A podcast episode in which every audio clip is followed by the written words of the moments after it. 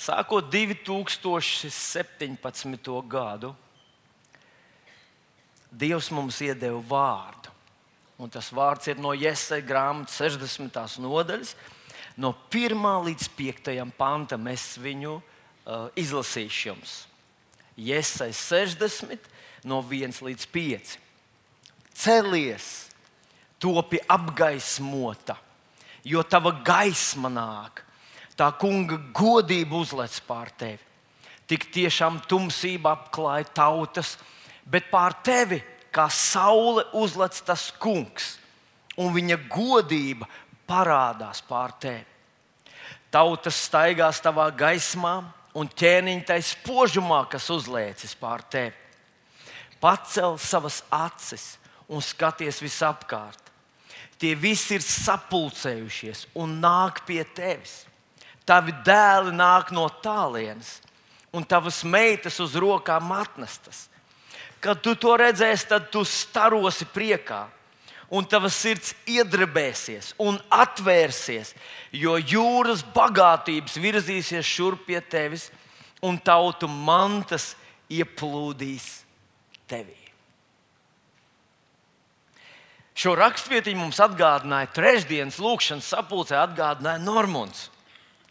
Un tad viņš teica, pie sevis es tā domāju, ak, Dievs, cik jauki būtu, ja sāktos ar piekto pantu. Sāktos tā kā no beigām. Tautu manta ieplūdīs tevi, um, tavi dēli atnāks no tālienes, un gaisma tevi apspīdēs, un visapkārt dziļi krēsli, bet par tevīm kā saule tas kungs Un tad beigās teikts, un to visu redzot, tu piecelsies. Tā mēs gribētu, vai ne? No rīta tu vēl gulēji gultā, tev klauvē kāds pie gultas un saka, alga ir klāta.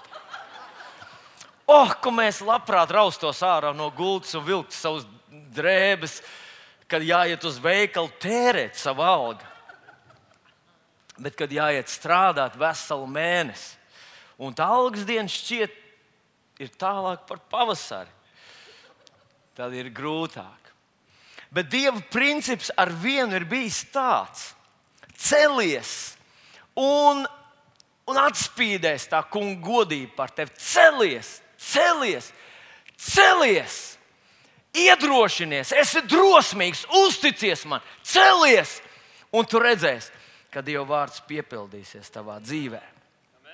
Ir vēl viena ļoti spilgta rakstvietiņa, kas, manuprāt, to pašu ilustrē.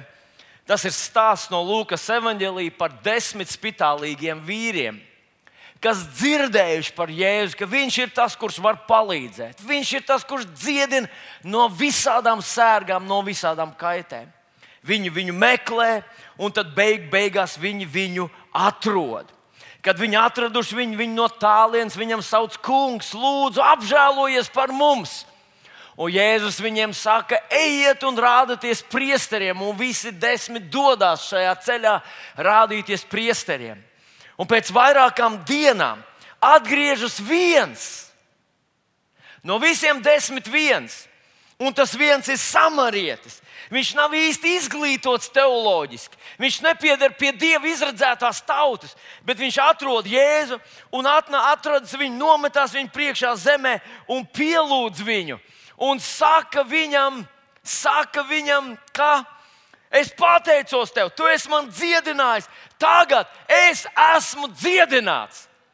Un tad Jēzus viņam saka šos pašus vārdus, kurus mēs jau dzirdam šajā gadā.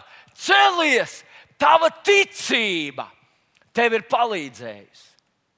Un ej, celies un ej, tava ticība tev ir palīdzējusi. Lūkas evanģēlijā, 17. nodaļā, 19. pāns. Celies un ej! Tava ticība tev ir palīdzējusi. Un es redzu šeit, ka ticība vienmēr darbojas, izpaužas tādā veidā, ka cilvēks ceļās, viņš dodas, viņš kaut ko pārvar, viņš it kā kaut ko nokavē. Viņš atšķirās no visiem tiem desmit, no visiem tiem deviņiem, kas visi devās dzīvē, taisīt karjeru un beidzot iespēt to, ko viņi līdz šim nav iespējuši. Šis viens atgriezās pie Jēzus. Un teologs saka šajos vārdos, kurus Jēzus viņam ir izteicis, ka tur kaut kas īpašs tajā parādījās ka kaut ko vairāk saņēma šis viens spitālīgais, kas atnāca pie Kristus un nometās viņa priekšā zemē un pateicās viņam. Viņa ticība izpaudās, un viņš līdz ar to kaut ko savā dzīvē saņēma. Viņam vajadzēja celties, bet viņa celšanās, viņa uzticība, viņa ticība kungam Jēzum Kristum atalgojās viņa dzīvē. Un, mīļie draugi, atcerēsimies, ka Kristus ar vienu ir aicinājis mūs, lai mēs ceļamies, lai mēs esam savā dzīvē aktīvi, lai mēs darām to, kam mēs ticam, lai tas parādās mūsu, mūsu dzīvē. Es biju šeit kopā ar jums iepriekšējā svētdienā, kad Līga šeit sludināja. Un man liekas, bija brīnišķīgs vārds. Bet pirmdienas rītā es ieslēdzu televizoru, lai noskatītos rīta panorāmu. Un nebija pagājuši ne dažas minūtes, kad Līga atnāca un teica, tu esi ieslēdzis televizoru.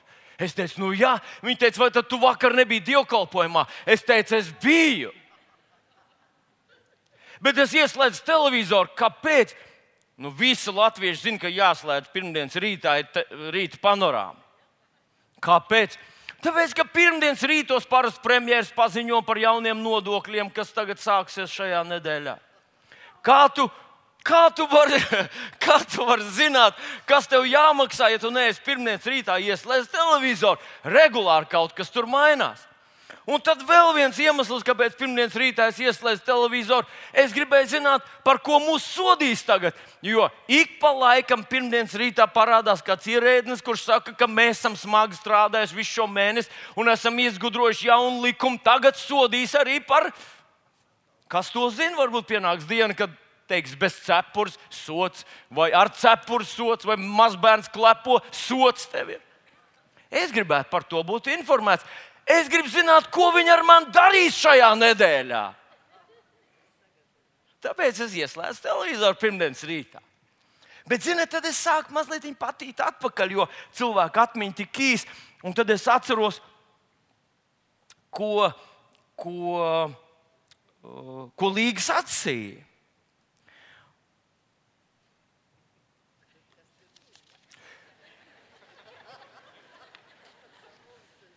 Jā, smējieties, smējieties.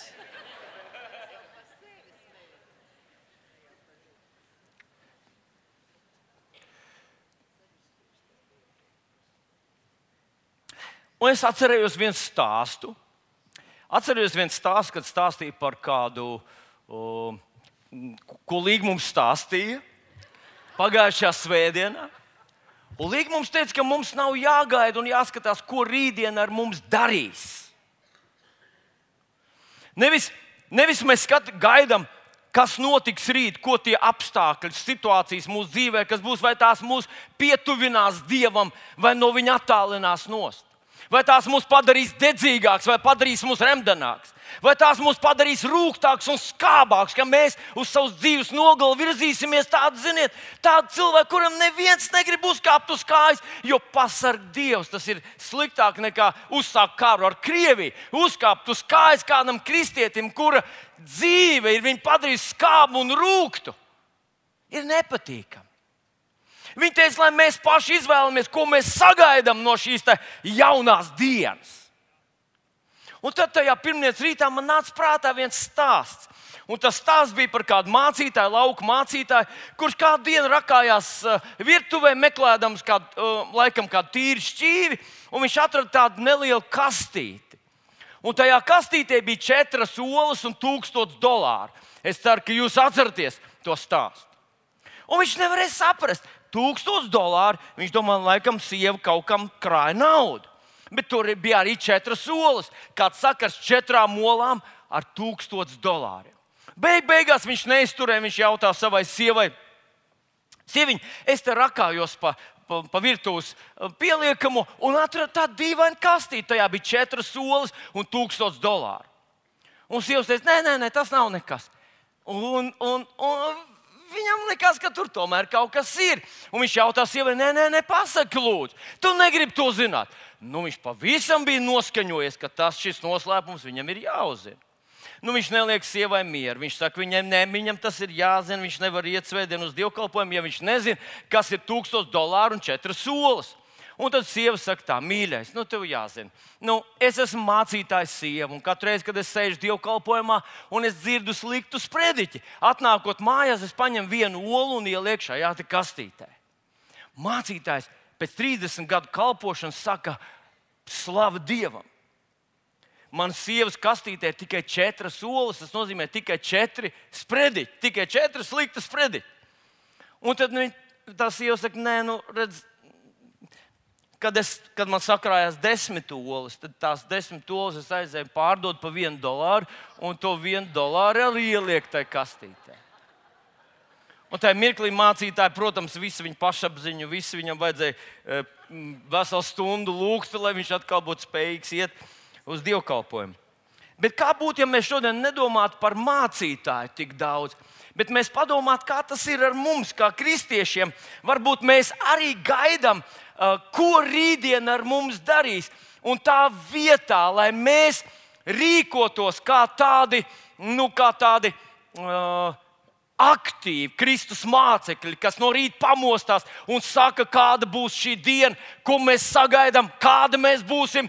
Un vienalga, kāda apstākļa arī mūsu dzīvē nenotika, mēs zinām, ko viņi ar mums izdarīs. Tā vietā mēs vienkārši dreifējam pa dzīvi. Ziniet, tāds kristīgs termins. Ko tu dari šobrīd? Es gaidu uz to kungu. Tas nozīmē, es vienkārši gaidu uz to kungu. Gaidu uz to kungu. Iedomājieties, ka tu aizej vidusskolā un, un, un, un saki, es gaidu, kad stunda beigsies. Es gaidu, kad beigsies ceturksnis. Es gaidu, kad mans mācības beigsies. Ne pie kā laba šīs gaidas novest mūs nevar. Un tas ir tas, ko Līgums centās pateikt, ka pēc būtības ir divi veidi kristieši. Ir tādi, kas tā kā gaida, dreifē, kas tā kā tādi nu, nedaudz, nedaudz pasīvi un gaidoši, un visu savu atbildību uzliek uz to kungu un saka, ko viņš vēlēsies, tas notiksies. Un ir tādi citu tipu kristieši, un tie ir tie, kas zina, kas ar viņiem šodien notiks. Viņi ir gatavi tam. Un šeit man liekas, es tā pie sevis iedomājos, ir tāda filmiņa. Viņa nevisai laba no kristīgā viedokļa, bet tur tā ideja ļoti laba. Ir par 300 partiešiem, kur karalis ir Leonīdas, tāds uh, Spartas valdnieks, kurš iet savu nelielā karaspēka priekšā, lai izcīnītu milzīgu cīņu. Un tad viņa tā aktīvā pozīcija, viņa gatavība nolikt savu dzīvi, viņa gatavība sastapties ar savu ienaidnieku aci pret aci. Man liekas, ka tā ir ļoti līdzīga tam, kādu, nu, kādu Dievs no mums sagaida, kādu Viņš gribētu no mums, kādu Viņš. Um, kādu viņš, kādus viņš redz mūsu šajā pasaulē un kādiem mums pēc līgas ieteikuma vajadzētu būt. Mums vajadzētu no rīta jau gatavoties, pavadīt laiku ar to kungu. Mums vajadzētu pasludināt, ko šī diena ar maniem izdarīs. Ka šodien es vairāk iedegšos, vairāk mīlēšu, šodien būšu saldāks, šodien būšu mīļāks, atvērtāks, drosmīgāks. Jo Dievs, tas kungs, man palīdz. Viņš man ir devis šo dienu. Tā tad aktīva, tāda aktīva ticības pilna uh, dzīves pozīcija ir tas, ko tas kungs no mums gaida. Un tad es atcerējos Mateja evanģelī 28. nodaļu, kura, kuras beidzamie teksti, Jēzus vārdi ir tādi. Man ir dota visa vara debesīs un virs zemes. Tāpēc ejiet un dariet par mācekļiem visas tautas, tās kristīdam tēva, dēla un svētā gara vārdā. Tās mācīdam turēt visu, ko es jums esmu pavēlējis. Un redziet, es esmu pie jums ikdienas līdz pasaules galam. Man ir dota visa vara debesīs un virs zemes. Mums būtu paticies, ja Jēzus teiktu tā: Man ir dota visa vara debesīs un virs zemes. Es visu varu. Tagad skatieties, puiši! Kā ar vienu klikšķi es padarīšu visu pasauli ticīgu. Kā es izglābšu visu pasauli ar vienu savus mutes vārdu. Bet viņš tā nesaka. Viņš teica, man ir dota visa vara debesīs un virs zemes, tāpēc ejiet jūs un dariet par mācekļiem. Ejiet jūs un glābiet cilvēkus no elles. Tas ir tas, ko viņš faktiski saka. Ej un izglāb kādu cilvēku no elles.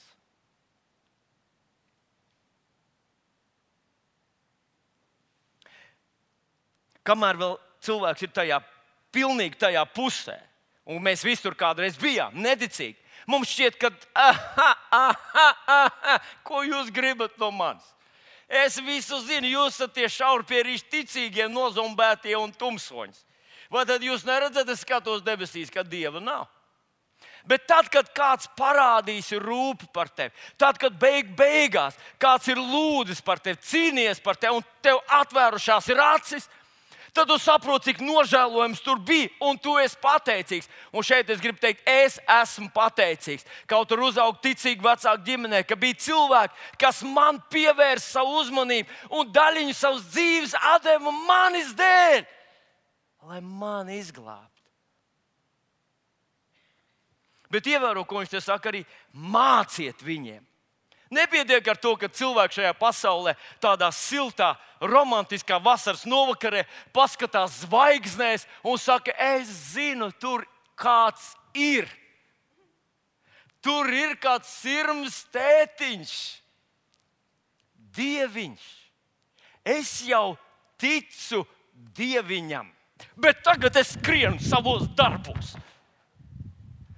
Nepietiek ar to.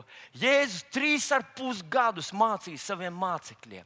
Un tad viņš teica, ejiet un māciet jūs tālāk, dariet par mācekļiem cilvēkus. Un tas, tas padara mūsu pozīciju šajā pasaulē aktīvu.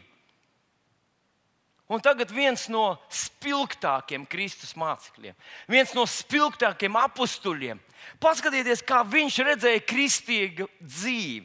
Efeziešu vēstulītē, 6. nodaļā, no 10. līdz 18. pantam, apelsīns Pāvils runā par to, kas ir jādara mums.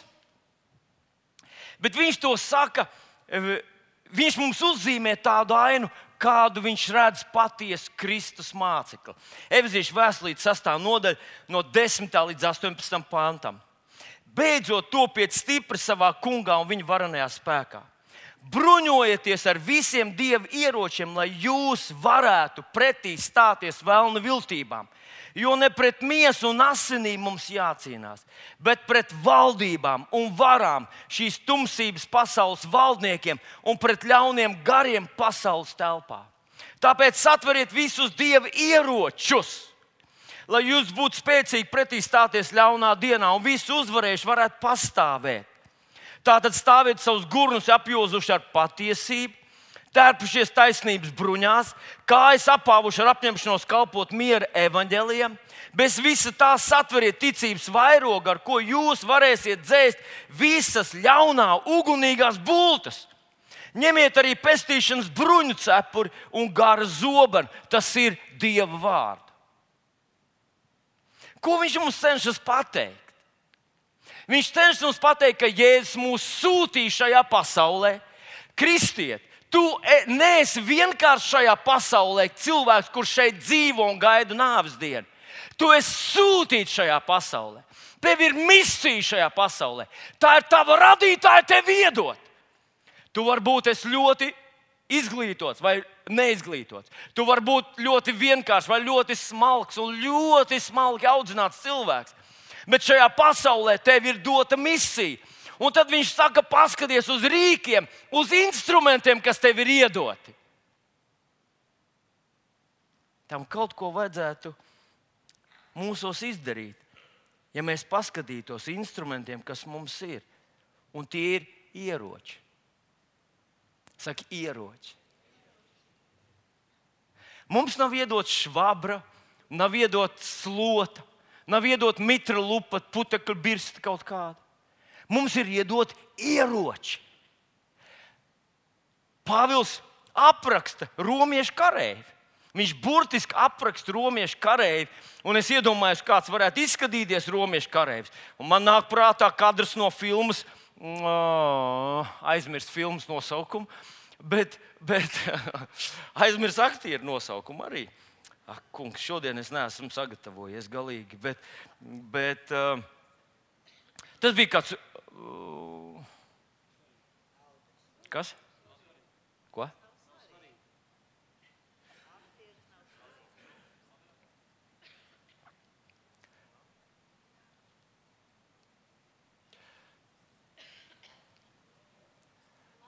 Gladiators, paldies! Jā. Un Rasels Kraus, jā. Šī ir vaska figūra. Viņš ir redzams tajā apbruņojumā. Bet tas bija cilvēks, kurš mazliet parāda, vai šī filma mazliet demonstrēja, kādu Pāvils redzēja kristieti. Tas ir cilvēks, kurš ir apbruņots. Cilvēks, kurš saprot, ka šajā pasaulē viņš nav sūtīts ar tādu, ziniet, tādu flegmatisku, mm, miegainu, uh, pusdzīva, uh, pusdzīvas būtnes pozīciju. Bet viņš ir sūtīts šajā pasaulē.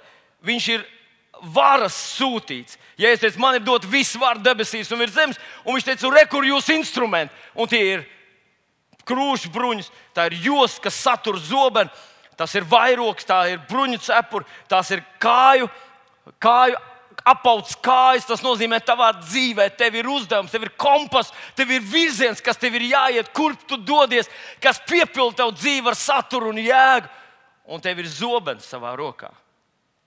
Es aktīvs, Pāvils saka, hei, mēs esam šajā pasaulē, tāpēc, ka mums šajā pasaulē ir kaut kas ļoti nozīmīgs, svarīgs, aktīvs, jāizdara.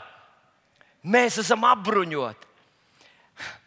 Vēlreiz, Kristus saka, ejiet, un tad viņš iedod mums ieročus. Un tagad mēs esam iegājuši pasaulē un nezinām, ko ar tiem darīt. Ar ieročiem tikai viena lieta var darīt, ar tiem var karot. Un tie ir iedoti katram no mums. Un Pāvils savu vēstulī raksta šo fragment. Viņš saka, beidzot topiet stipri, beidzot taču satveriet, beidzot lietojiet to, kas jums ir iedots. Beidzot ieraugiet to, ka jūs šajā pasaulē esat nolikti kara situācijā. Nevis miera, nevis, nevis tādā drošā situācijā. Jūs nevarat gulēt kā bērni. Jūs esat nolikt šeit. Tāpēc, ka ir bīstami, tāpēc, ka jums ir uzdevums ļoti svarīga misija to piepildīt. Un interesanti, kā viņš nobeidz. Turpat sastāvs nodaļas 18. pantā viņš saka, kad jūs apbruņojaties, kad jūs satverat visas šīs bruņas, tad lūdzu saprotiet, ka, tad lūdzu saprotiet, ka ar, jūs lūdzat, ka jūs lūdzat, 6, 18. Viņš saka, ar visām lūgšanām un lūgumiem lūdziet Dievu garā ik brīdi. Tā pašā nolūkā esiet nomodā un pastāviet savā aizlūgšanās par visiem svētajiem. Tas nozīmē, mīļie draugi, tas nozīmē to, ka tāds īsts kristietis, īsts aktīvs kristietis, viņš ir aktīvs lūdzējs ka kristietis, kura dzīvē darbojas Dieva spēks, ka kristietis, kurš savā dzīvē dodas pareizā virzienā, ir izpratis savas dzīves misiju un visu to status, ka viņš ir aktīvs lūdzējs. Kristietis, kurš cīnās, kurš, un ja cīnās, kā mēs zinām, tad viņš arī uzvar. Tas ir kristietis, kurš lūdz, lūdz, lūdz. Ar visām lūgšanām un lūgumiem.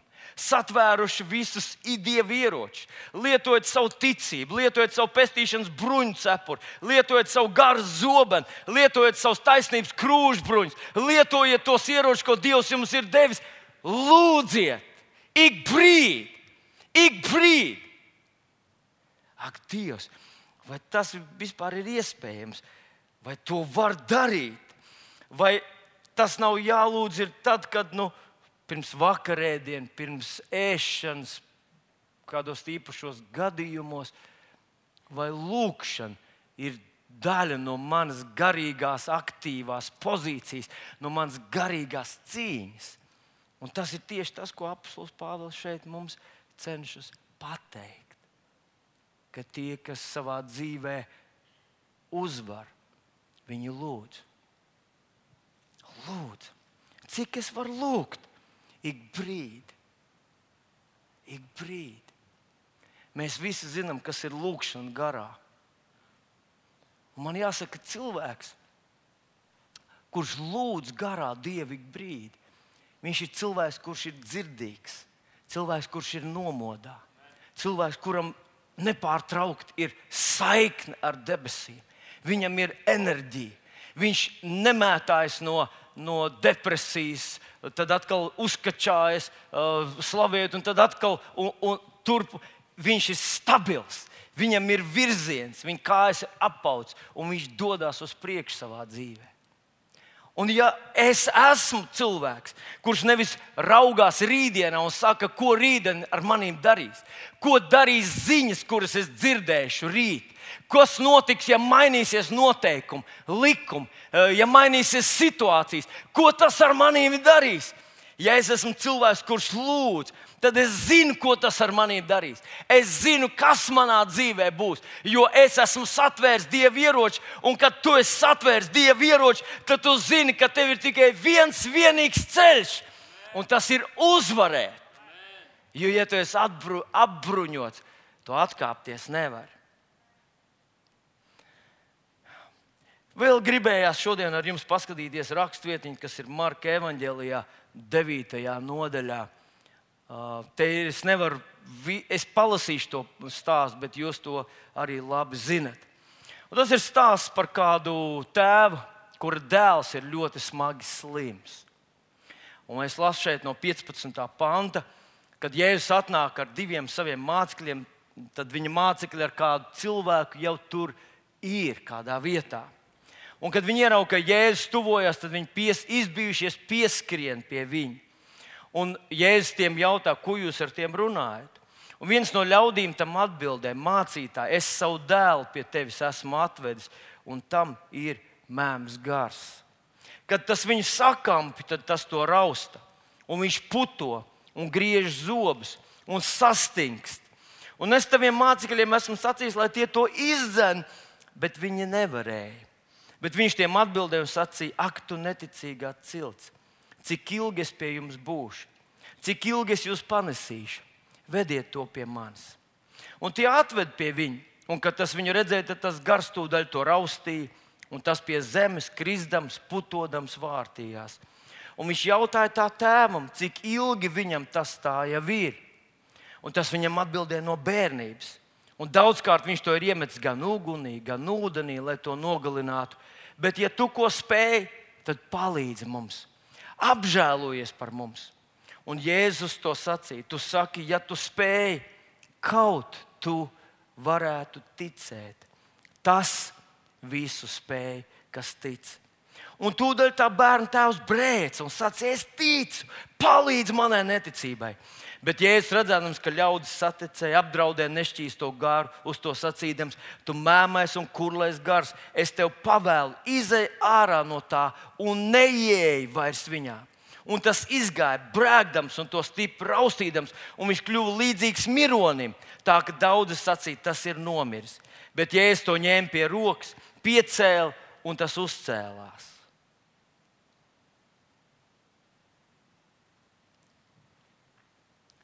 Manuprāt, situācija, ko kaut kad savā dzīvē katrs no mums kaut kad ir piedzīvojis, kad mūsu situācija ir ļoti grūta un smaga.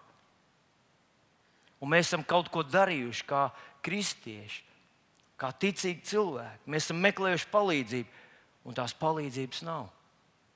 Un ir ļoti svarīgi atcerēties, ka pat tad, ja mēs neesam saņēmuši to palīdzību, ka mēs vēl aizvien varam nākt pie Dieva tā kunga. Mēs varam nākt pie Kristus, jo Viņam ir atbilde katrā, katrā, katrā bezcerīgā situācijā. Viņam ir izēja. Varbūt tā nav tāda izēja, kādu mēs ar tevi esam stādījušies priekšā, bet viņam ir labākā iespējamā izēja. Un tu vari nākt pie viņa droši tas, ko es ieraudzīju šajā stāstā, ir tas, ka viņš uzjautā tam tēvam, saka, cik sen jau viņam tas tā ir. Kāpēc Jēzus to jautāja? Vai viņš kaut ko īpašāk pielietoja, kaut kāda metode viņam bija, kaut kāda recepte savādāka viņam bija nekā tad, ja tas būtu kaut kas nu pat jauns, kaut kas nebijis. Es tā nedomāju. Es domāju, ka drīzāk viņš mēģina mums parādīt, mūsu dēļ tas ir uzrakstīts, jo evanģēlists mierīgi to varēja izlaist šo te teikumu. Bet viņš uzrakstīja to mums, lai mēs ar tevi lasot, ieraudzītu to.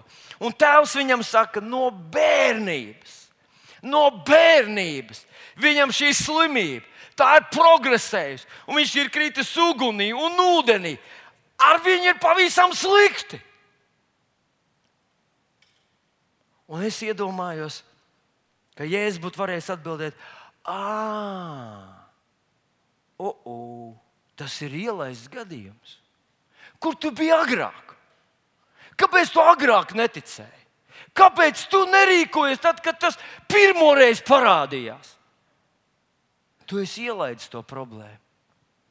Un tad es iedomājos, Cik ir tādu ielaistu problēmu, ar kurām mēs saskaramies, sastopamies, ielaistas chroniskas slimības.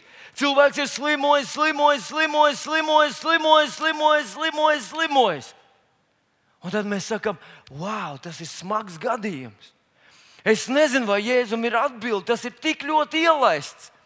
Vai varbūt tā ir kāda īpaša finansiāla situācija kad cilvēks ir pieņēmis aplams lēmums un aplams un aplams un aplams. Tagad viņš jau ir krietni gados, ir pazaudējis darbu, viņam kredīts karājas virs kakla. Un mums liekas, ak, Dievs, kur viņš bija agrāk? Kur bija agrāk sieviete, kas ir pēkšņi izšķirta, pamesta? Viena ar bērniem, vīrs viņu ir atstājis. Viņai nav ne īsti ienākuma avota, nekāda uzkrājuma nav. Un viņa ir, ir dzīvēta dzīvoklī. Ko viņai darīt tagad? Ko darīt kādam cilvēkam, kurš ir bez darba, ir pirms pensijas vecumā? Ko viņam darīt? Kur tu biji agrāk? Kāpēc tu agrāk nepadomāji, neparūpējies? Un šeit man gribas teikt, ka laikam jau katram mums ir tāda vieta un tāda viena sfēra mūsu dzīvē, par kuru mēs nepaspējām, nespējām, nevarējām, nezinājām, kā parūpēties agrāk. Vai mēs drīkstam atnākt pie tā kunga, vai mēs drīkstam cerēt, ka viņam ir atbilde arī šajā vietā? Un man prieks, ka Jēzus nesaka šeit, no draugiņ, ko tik vēl. Bet viņš saka viņam, tā problēma nav tajā, cik ilgi tavs dēls slimo.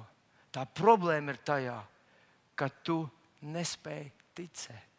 Kaut tu varētu ticēt. Un tad viņš saka, saka šos maģiskos vārdus. Tas visu spēj. Kas tic? Pagaid, pagaid, pagaid. Tu gribi teikt, ka es savos pirmspensijas vecumā, tad, kad neviens nevar dabūt darbu vietu, tad, kad man apstākļi neviens man šķiet, visi jau redz man uz pieres rakstīts pirms pensija, pirms pensija, neņemiet viņu pirms pensija. Vai es varu saņemt atbildi savā dzīvē? Vai es, kuram nav nekādas aizmugures, vai es varu ielausties tur, kur tiek tikai, tikai smalku cilvēku bērni?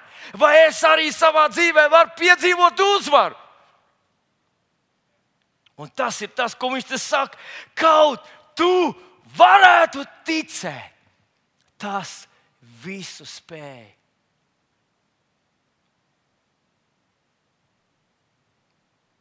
Vai tu dzirdi? Tas visu spēj, kas tic. Man ir nācies kādreiz runāt ar cilvēkiem, un teikt viņam šo te jēzus nostāju. Bet, draugs, rīkojies ticībā. Un tas cilvēks saka, pagaidi, pagaidi, bet tu nezini īsti manu situāciju. Un viņa apraksta, cik tā ir bezcerīga. Un es saku, es dzirdēju to, bet, ja tu ticībā rīkosies, tad Dievs var palīdzēt tev. Pagaidi, pagaidi, es vēl tev neaprakstīju visu. Un tad es viņš stāsta vēl un vēl un vēl, cik sarežģīta, cik grūta, cik ļoti tumša, cik bezcerīga šī valstī. Nav neviena tik bezcerīga, kāds es esmu. Nu, ja tu būtu Latvijas visbezcerīgākais gadījums, ja tu būtu tas, kur dzīvē problēma ir ielaista tik dziļi, ka ar to neko nevar darīt vairs cilvēcīgi, tu vari atnākt pie kunga Jēzus, un viņš tev atbildēs šos te pašus vārdus. kaut tu varētu ticēt. Tas, kurš tic, tas visu spēj. Un zinot, ko tā bērna tēvs nesāk teikt? Pagaidi, pagaidi, es tev vēl nepateicu. Tā slimība bija arī viņa mātei, un vecajai mātei, un vec, vec, vecmātei. Un cik es zinu, arī ievai, Ādams, ievai bija tā slimība. Nu, ziniet, kad tu esi izmisumā, tev liekas, viss ar to ir beidzies. Viss ir cauri. Tu pats nemani, ka tas skats, tavs skats uz pasauli, viņš ietekmē, tas tavs iekšējais izmisums iznes ārā izmisumu. Bet viņš to nedarīja. Viņš kliedz, es ticu, es ticu. Un viņš saka, tāds interesants vārds. Viņš saka, palīdzi manai neticībai. Matejs šo pašu gadījumu apraksta drusciņš savādāk šajā nobeiguma fāzē. Viņš saka, tā, Mateja evanģēlijā 17. nodaļā, no 20. panta. Matejs saka, tā, kad mācekļi pēc tam jautā, kāpēc mēs to nevarējām izdzīt, tad viņš saka viņiem, jūsu, mūsu latviskais tulkojums ir lietojis vārdiņu masticības. Bet es pats paskatījos King James tulkojumu, un es uzticos tam daudz vairāk. Tur lietots vārdiņš jūsu neticības dēļ. Jūs nevarētu izdzīt, tāpēc ka jums ir neticība. Jo patiesi es jums saku, ja jums ticība ir kā sinepju graudiņš, tad jūs sacīsiet šim kalnam pārcelties no šejienes uz turieni, un tas pārcelsies, un nekas jums nebūs neiespējams. Bet šī suga neiziet citādi kā vien ar lūkšanas un gavēšanas palīdzību. Un te, mīļie draugi, mana pārliecība ir, ka viņš nerunā par to īpašo slimību, par to īpašo dēmonu, vai par to īpašo situāciju, kādā tas cilvēks atrodas, bet viņš runā par neticību. Un es domāju, mēs katrs esam saskārušies ar to, ka mūsos ir gan, gan. Mēs esam ticīgo vidū, mēs lasām Bībeli, un mēs jūtam, ka mēs ticam. Mēs sakām, es ticu, es ticu, Jēzus, Aleluja, Jēzus Kristus ir mans glābējs, mans dziedinātājs. Viņš izvedīs, palīdzēs, es esmu uzvarējis. Bet tad paiet, paiet dažas dienas, varbūt, un mēs nebarojam savu garu tik daudz ar Dievu vārdu. Un tad mēs pēkšņi sajūtam, ka mūsos ir arī neticība. Un neticība sāk ģenerēt visus tos argumentus, vai ne? Neticībai ir objektīvi, zinātniski pamatot argumenti. Neticībai ir profesionāli mm, konsultanti visur, visapkārt. Tikai pajautā, un jo cilvēks vairāk ir lasījis, ir googlojis kaut ko, jo vairāk lielāka neticība viņā ir. Un viņš tev stāstīs par visādām situācijām, kas nav iespējams, un ārprāts un šausmas, kur tu esi, un ar cauri ar tevīm būs. Un tad tu saproti, ka tev ir gan, gan. Un tas ir tas, ko Jēzus saka saviem mācekļiem. Jūs iepriekš zināt dēmons, jūs iepriekš dziedinājāt slimnieks, un tas darbojas. Jums nav problēmas ar to, ka jums nav ticība. Jūs ticība pat, ja tā būtu kā sinepju graudiņš, tā darbojas, tā ir maģisks spēks, tā var kalnus iemest jūrā. Bet jūsu problēma ir, tā, ka paralēli jūsu ticībai ir kaut kas, kas to neutralizē, un tā ir neticība. Un ar to tu vari tikt galā, lūdzot un gavējot. Saka, lūdzot un gavējot. Tu saproti, kāpēc Vēlns cenšas mums nozagt lūgšanu. Tu saproti, kāpēc? Kad tu izsludini, ka būs gavēns un lūkšanas sapulcs, tu zini, ka būs viena astotā daļa draudzes. Jo pārējiem ir tagad jāskrien, pārējiem tagad ir nu, jāceļ pasauli. Bet cik ļoti mums ir vajadzīga šī ticības lūkšana, šī lūkšana, ka tu lūdz dziļu, garīgu lūgšanu, ka tu nevis runā tikai no sava prātiņa, nevis centies 15 reizi šodien Dievam izstāstīt, kāda tā situācija ir, Bet, kad tu nezini, ko un kā lūgt, kad tu laidies svētajā garā un lūdz, lūdz.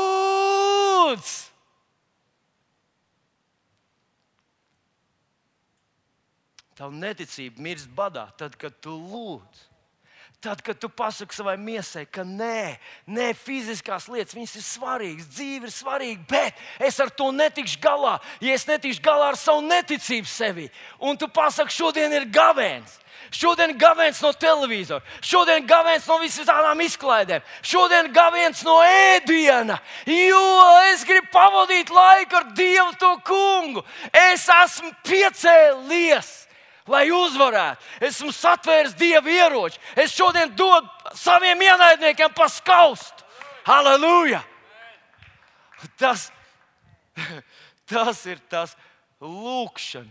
Ne tik daudz maina dievu un padara viņu dāsnāku, jo viņa dāsnumu nav iespējams nemaz izmērīt. Un visu to, ko viņš jau ir iedevis, mēs nekad to nespēsim izlietot. Bet lūkšana viņa lielā mērā ietekmē mūsu pašus tevi pašu. Un šajā rītā Tas mans uzrunas mērķis bija atgādināt tev, ka tev ir ieroči. Es ceru, ka viņi nerūsē kaut kur pieliekamajā, ka viņi nav putekļu tīkli pārklāti. Es ceru, ka viņi spīd un laistās, jo katru rītu tu tos uzvelc. Un pirmdienas rītā tu nevis ieslēgsi panorāmu, lai paskatītos, ko ar tevi darīs, bet tu pateiksi, kas šajā nedēļā tavā dzīvē būs, ka tu šodien uzvarēsi, ka tu lūgs, ka šonadēļ neticība paliks mazāka un tā ticība paliks lielāka. Ko? Halleluja! Ah, mīļais draugs, mans brāl un māsa. Lūkšana. Īstenībā nekas šajā pasaulē gandrīz nenotiek bez lūkšanas. Un vis, visām lielām dieva lietām pa priekšu ir bijuši cilvēki, kas tās ir izlūguši. Lūkšana nav kaut kas, ko mēs tā nostājamies uz ielas stūri un ko visas vēro mūsu skatās. Cik estētiska lūkšana viņam, cik laba valoda viņam ir, cik pareiza dikcija. Jēzus kāpa kalnā, un tur viens pats ir rakstīts, ka viņš ir skaļu balsi un daudz asarām. Viņš brēc pie tā, kas viņu varēja atpestīt, un viņš izcīnīja savus cīņas tur. Un tad izcīnīja savus cīņas šeit. Lūkšana. Pirms Jēzus varēja piedzimt un atnākt, tur bija Simons un Anna. Divi cilvēki, kas bija nodevušies, kas to vien darīja, kā lūdzu. Un viņi ir pierakstīti, mūsu Bībelītē ierakstīti viņu vārdi. Viņi nebija ziedotāji, viņi nebija dejotāji, viņi nebija dziedātāji, viņi bija lūdzēji.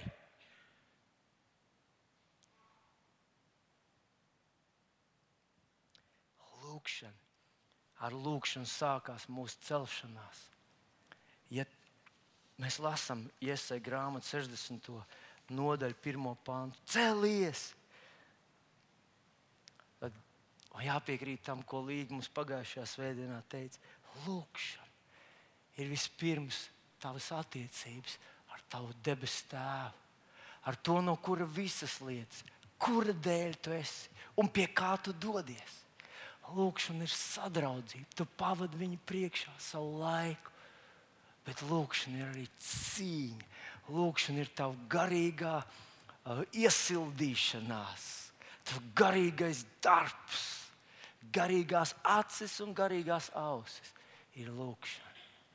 Un ja šajā gadā mēs gribam nonākt šeit, kur, mēs, kur Dievs mums teica, ka mēs varam nonākt, mums ir jābūt reanimē, jāatdzīvina, jāizdedzina, jāpadziļina savu lūkšanu dzīvi, tava lūkšana dzīve. Saka, lūkšana dzīve. Aleluja!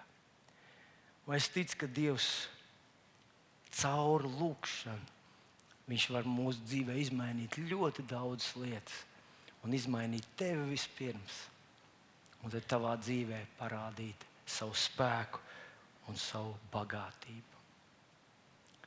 Jēzus vārdā. Es aicināšu tevi piecelties kājās tagad. Halleluja! Debes Tēvs! Debes Tēvs! Šajā rītā mēs no visas sirds tev pateicamies, ka mums ir dot šī iespēja pietuvoties tev. Ka mēs varam pienākt pie paša žēlastības troņa lai saņemtu apžēlošanu un atrastu žēlastību un palīdzību. Es tev pateicos, ka mēs varam tevi pielūgt un lūgt. Es tev pateicos, ka mūsu lūgšana, Dievs, var pacelties līdz debesīm. Kad mūsu lūgšanas dzīve, kungs, tā padara mūsu dzīves uz stiprus un aktīvus. Es tev pateicos, ka mūsu lūgšana ir tā vieta, kur tavs goda tronis tiek celts un tava slava tavs spēks, tava gaisma apgaismo tavus bērnus. Es tev pateicos, ka mēs neesam ieslēgti savā lūkšanā, bet esam atbrīvoti savā lūkšanā, lai godātu, slavētu un pielūgtu un baudītu debesu enerģiju, debesu spēku, debesu palīdzību, debesu līdzdalību. Halleluja! Paldies! Tev. Aleluja, Jēzus vārdā. Aleluja. Pasaka līdzi ar maniem šo savu lūgšanu. Saka, debes Tēvs, paldies Tev, ka es drīkstu Tevi lūgt. Ka es drīkstu pienākt pie Tevis. Pa durvīm, kuras Tu esi atvēris.